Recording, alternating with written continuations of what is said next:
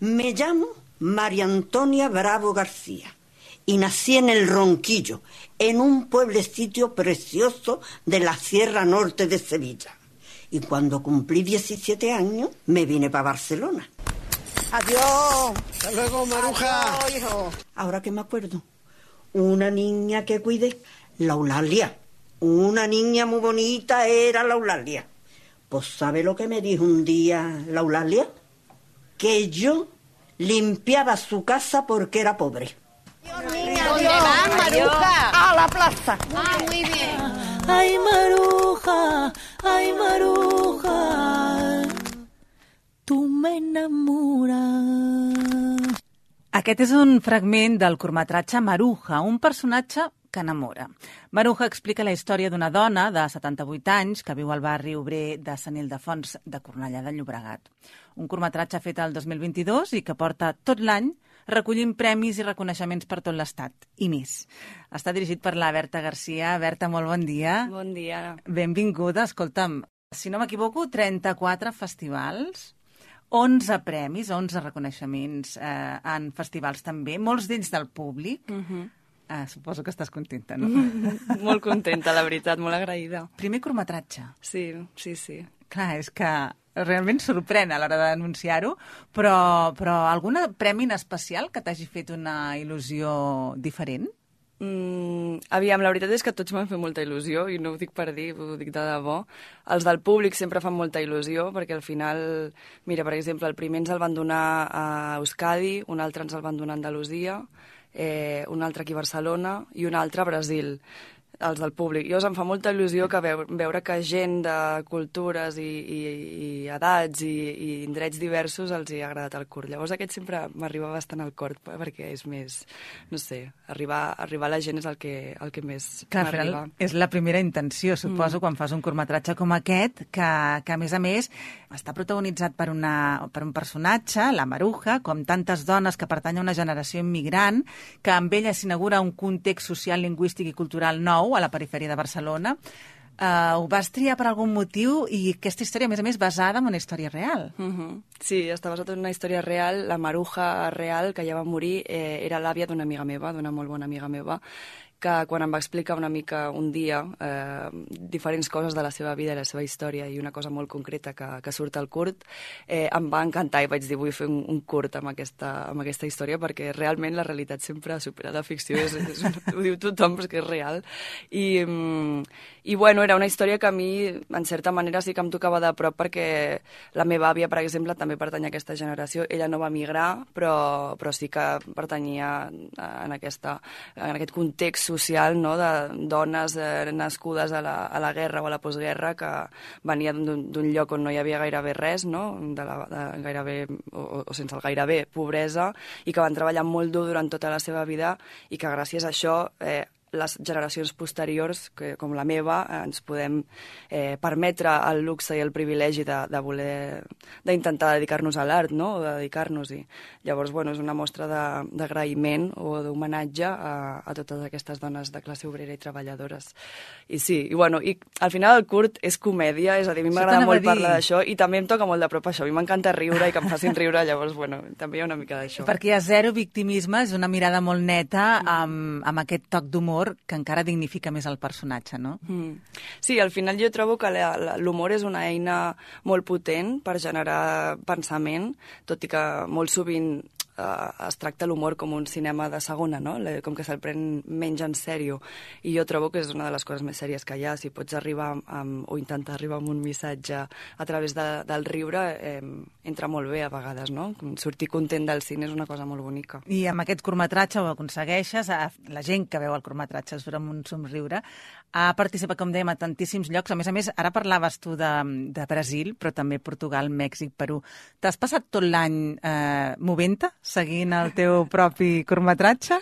Doncs mira, la veritat és que m'he mogut tot el que he pogut, perquè volia crec, aprofitar la situació i també m'ha recolzat l'Associació de Guionistes d'AMA, que els hi dec que, bueno, no sé, un monument, perquè gràcies a, a la seva ajuda també he pogut anar a tots aquests festivals, no? que d'una altra forma potser hagués estat impossible. Però sí, he, he anat a, a, allà, allà on he pogut, perquè Has- he dit, no sé quan tornarà a passar això. Aprofitar-ho al màxim. Sí. Però de totes maneres algú pot pensar, clar, és que aquest món del curtmetratge, quan va tan bé, doncs això, es- passes el dia viatjant, però clar, els recursos són limitats. I malgrat tot, tu has tirat endavant amb gent i amb noms, com per exemple, banda sonora de la Sílvia Pérez Cruz, coproductora la Isabel Cuixet. Com hi arribes aquí?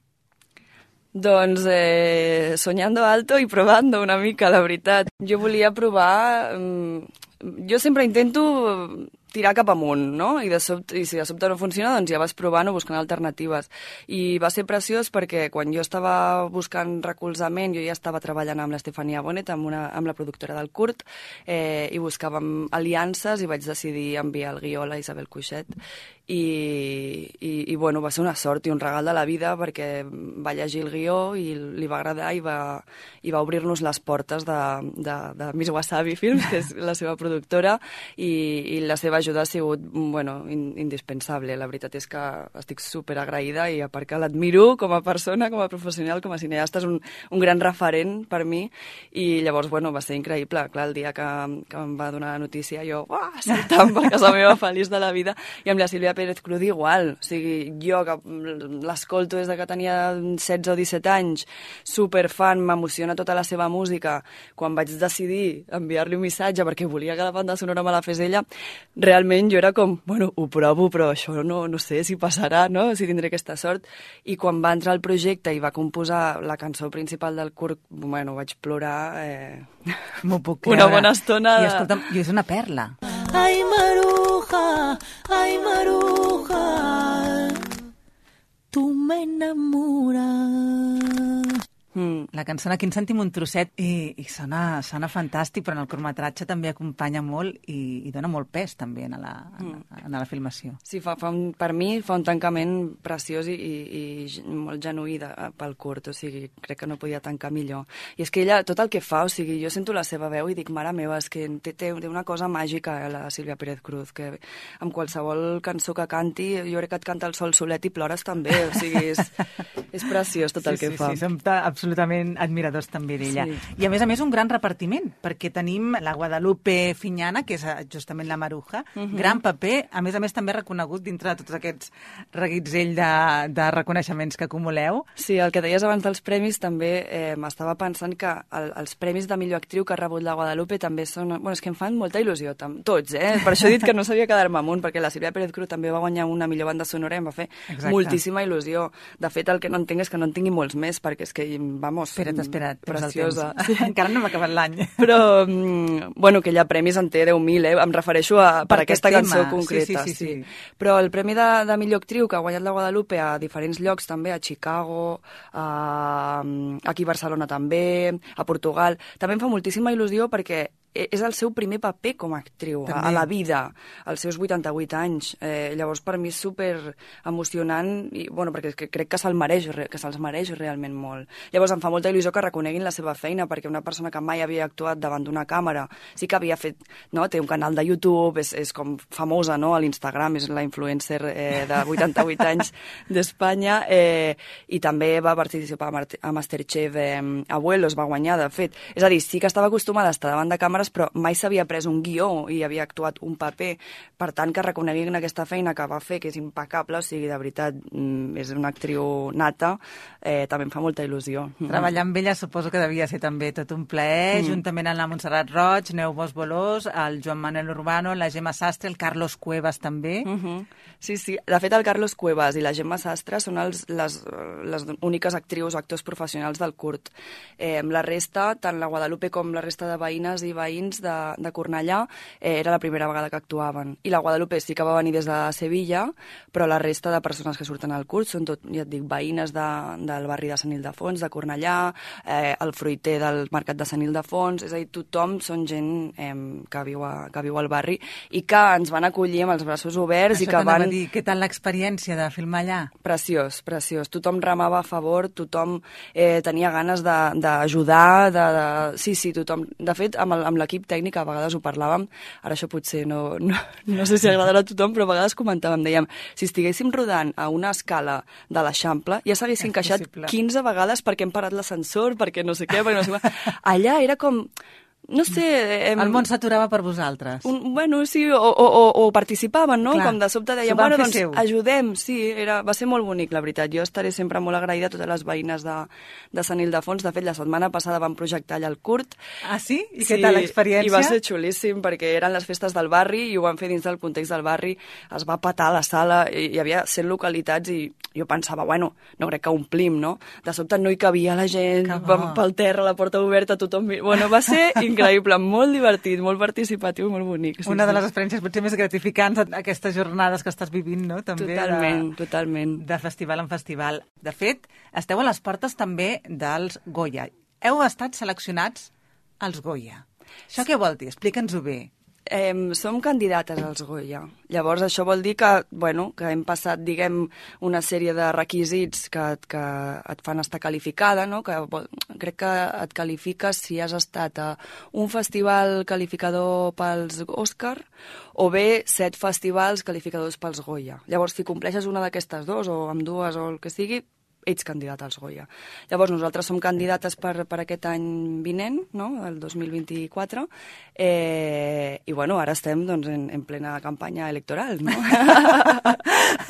Home, jo crec que gairebé podríem dir que no us, que no us cal, perquè clar, amb, tantes, amb, amb tant reconeixements i tant recorregut, no tens la sensació una mica que teniu bastanta pedra picada, no? Mira, doncs, Noemi, sí que ens cal una mica, perquè al final aquest món, com tot, suposo, eh, depèn molt de conèixer gent i com has dit, és el meu primer curt, jo no conec ningú, així que sí que ens cal una miqueta. Des d'aquí fem la crida si hi ha algú en els jurats de qualsevol dels festivals i qualsevol d'aquestes eleccions que presti atenció a aquest curtmetratge, que és una preciositat, és una perla. Moltes gràcies. I que, I que també ara, no sabem, potser també en el cas dels Premis Gaudí, podria ser també que entressis a, a formar part d'aquesta selecció, no Això sabem. ho sabrem d'aquí poc. Crec que és la setmana, no sé si és aquesta setmana o la setmana vinent, ho diuen.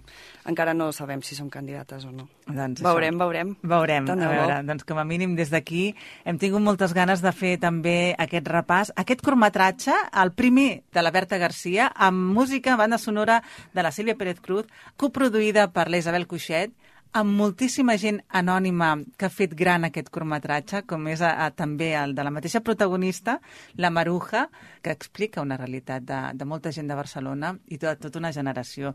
Berta, ha estat un plaer, estic segura que et seguirem, et seguirem per moltes coses. Algun projecte, com dèiem, entre mans, de noves filmacions? Mm, ara estic amb el muntatge d'un altre curt, però aquest és documental, i escrivint un, un altre projecte de ficció més llarg. Ah, doncs quedeu-vos, com dèiem, amb aquest nom, perquè la seguirem. Moltíssimes gràcies, Gràcies Berta. a tu, ha sigut un plaer.